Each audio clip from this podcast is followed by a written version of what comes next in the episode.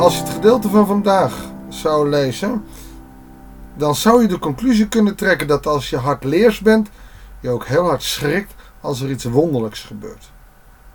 Daaraan zou je kunnen koppelen dat als jij ontvankelijk bent voor het evangelie, niet raar staat te kijken als er een wonder gebeurt. Goeiedag, hartelijk welkom bij een nieuwe uitzending van Bijbels Dagboek. We gaan van uh, Efesius naar Marcus. Komen midden in Marcus aan, Marcus 6 vanaf vers 45. En ik zal heel eerlijk toegeven dat nu het daar gaat over het meer van Galilea, ik toch wel heel veel plaatjes krijg. En meer dan ik had verwacht nadat ik bij Israël ben geweest. En daar op het meer van Israël, of op, eh, van Galilea, oftewel het meer van Tiberias, daar speelt het zich af. Jezus heeft 5000 mensen te eten gegeven van brood en drinken en vis. Een wonder is gebeurd. En meteen daarna gelast hij zijn leerlingen in de boot te stappen en alvast naar de overkant te varen naar Bethsaida. Intussen zou hij zelf de menigte wegsturen. Hij stuurt dus zijn discipelen alvast weg. Ik vraag me af of zij ook na hebben gedacht over hoe dan verder. Hoe zou Jezus dan bij hem komen? Maar ze zijn waarschijnlijk zo van een apropos dat, dat ze maar gewoon doen wat hij, wat hij zegt. En Jezus neemt afscheid van de mensen en gaat de berg op om er te bidden. Mooi, hè? Jezus neemt zijn rust. Neemt ook de mogelijkheid om te bidden. Om zich terug te trekken. Om stille tijd te houden. Mensen zeggen wel eens, ach, dat is niet nodig. Naar de kerk gaan is niet nodig. Stille tijd is niet nodig. Nou, voor zodanige kan ik zeggen. Het evangelie zal niet blijvend in je leven zijn. Je moet je verdiepen. Je moet die relatie met God ongelooflijk close houden. Anders zul je zul je geloof kwijtraken. Je zult lauw worden en je zult afvallen. Jezus neemt de tijd om te bidden, om te praten met zijn vader. En bij het vallen van de avond was de boot midden op het meer. En er was alleen aan land. Toen hij zag dat de leerlingen door de hevige tegenwind maar nauwelijks vooruit kwamen, hoe hard ze groeiden, liep hij tegen het einde van de nacht over het meer naar hem toe. En hij wilde hem voorbij lopen. Het is zo dat als je aan de oever van het meer staat, zeker in de, in de breedte, dat je de overkant kan zien. De lengte niet helemaal, maar dat Jezus dus vanaf de berg ziet dat ze lopen te tobben, dat is niet vreemd. Ik zie het ook voor me. Ze gaan naar Bethsaida toe, maar ze komen niet ver, want het waait hard. En als het stormt op dat meer, ook al is het niet zo groot, het IJsselmeer is veel groter, maar dan is roeien, dat valt niet mee. En dan ook nog een paar van die oude vissers die dat doen. En toch, ze komen nauwelijks vooruit. En Jezus gaat dan lopend naar ze toe. Ja, dat is Jezus. Die denkt niet in onmogelijkheden, die denkt in mogelijkheden. En dan wandelt gewoon over het water naar ze toe. Een van de waterverhalen waarbij hij over water loopt. Toen ze hem over het water zagen lopen, dachten ze dat hij een geestverschijning was, een spook. En ze schreeuwden het uit. Ze hadden hem allemaal gezien en raakte in paniek. Maar hij sprak hem meteen aan, zij blijft kalm. Leuk hij kan water tot rust kalmeren, hij kan de wind, de storm kan hij kalmeren, maar zelfs mensen. Wees maar kalm. Het is ook iets wat Jezus doet. Als je in de Bijbel leest, zeggen mensen wel eens: Ja, ik word er helemaal rustig van. En dat klopt ook. Dat is wat de Bijbel met je doet, wat de woorden van Jezus met je doet. Je kan er kalm van worden. Lees die woorden altijd naar jezelf toe. Ga niet altijd die kritische vragen meteen stellen van dit kan toch niet over water lopen. Weet je, als je dat in dit verhaal legt, dat kan niet, dan is dat een teken van ongeloof en je leest de Bijbel verkeerd. Kijk nou eens wat hij doet. Hij kalmeert de discipelen, die lopen tegen te sjouwen en te zwoegen. En soms, soms is geloven ook zwoegen van mensen. Dan zijn ze zo hard aan het zwoegen dat ze nauwelijks contact krijgen met God, omdat ze hard aan het zwoegen zijn. En dan heb je soms een Jezus nodig die zegt: Kom aan, Doe maar kalm. Ik ben het. Wees niet bang. Laat mij eens werken voor je. Laat mij het eens doen. Laat los. Maar dat kunnen wij vaak niet.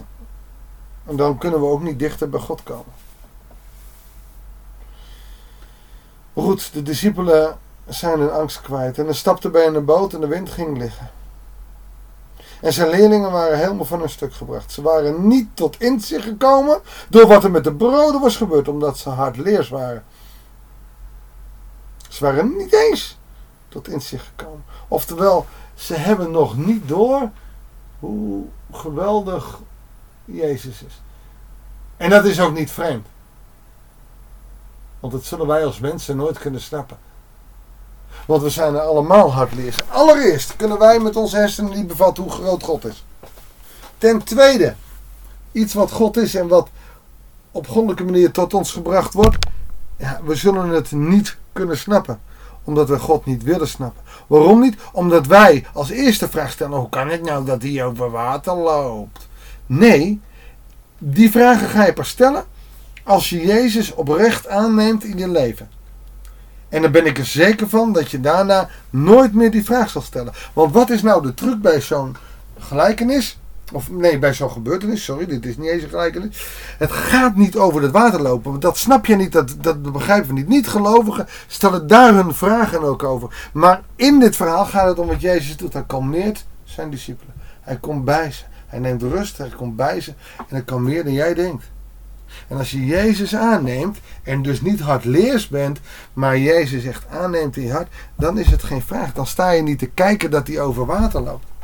En dat is de truc. Daarom kunnen gelovigen ook gewoon geloven dat Jezus over het water loopt en mensen geneest. Maar niet-gelovigen zullen er altijd hardleers tegen ingaan. Op mijn YouTube-kanaal, Bijbels Dagboek, is er met een filmpje van een jaar geleden een man die is gaan, gaan reageren zo ontzettend kwaad omdat ik geloof. Hij begrijpt er dus werkelijk waar niks van. Hij heeft zoveel leegheid in zijn leven waarschijnlijk dat hij hierop moet lopen katten. Maar als Jezus tegen jou mag zeggen, aan. Kom maar kalm. En dan bedoelt hij niet lui op je kont gaan zitten, maar niet schrikken, niet bang zijn. Maar Jezus gewoon toelaten in je leven. Gewoon heel relaxed, heel chill. Laat Jezus toe in je leven al die moeilijke vragen weg. Jezus stapte bij hen in de boot en de wind ging liggen. Ze waren helemaal van een stuk gebracht. Nadat ze waren opgestoken, kwamen ze bij Genesaret aan het land en daar legden ze aan.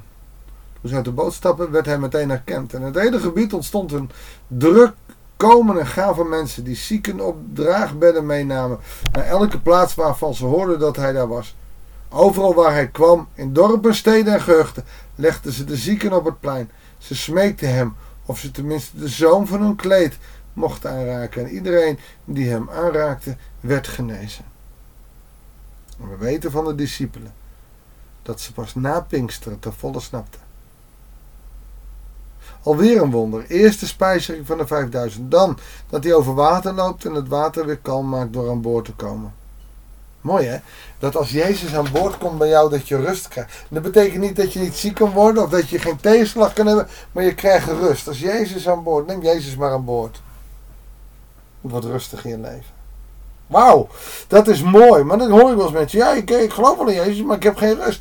Ja, maar geloven of er echt mee leven is ook nog weer eens een ding. Bovendien, als je een ziekelijke onrust hebt, is het ook niet altijd op te lossen natuurlijk. Maar altijd mensen die onrust hebben rondom geloof vragen of van leven. Neem Jezus aan in je leven. Neem hem mee aan boord. En dat zal rust geven. En dan het wonder van de genezing dat ze alleen maar de zoom van zijn jas hoefden aan te raken. Jezus laat erin zien hoe machtig hij is. En als je maar dichtbij hem leeft, dat er wonderen kunnen gebeuren. Dat is het gave van Jezus. Dat is wat je een ongelovige niet wijs kunt maken. Die moeten het voelen, die moeten het zien. En jij, omdat jij gelooft in Jezus, mag je het gewoon aannemen. Stel niet de vraag hoe dan, want weet je, wie geneest hij tegenwoordig wel en wie niet? Daar kom ik niet uit. Dat is aan de Heer. Maar Jezus geneest nog steeds. En het is bij mij niet zo dat iedereen maar genezen kan en dat ik in de naam van Jezus wel even iemand de hand opleg. Ik geloof wel dat hij nog steeds geneest. Want God is groot. Groter dan het universum. Laten we God danken en lopen voor wie hij is. Dank u wel, God.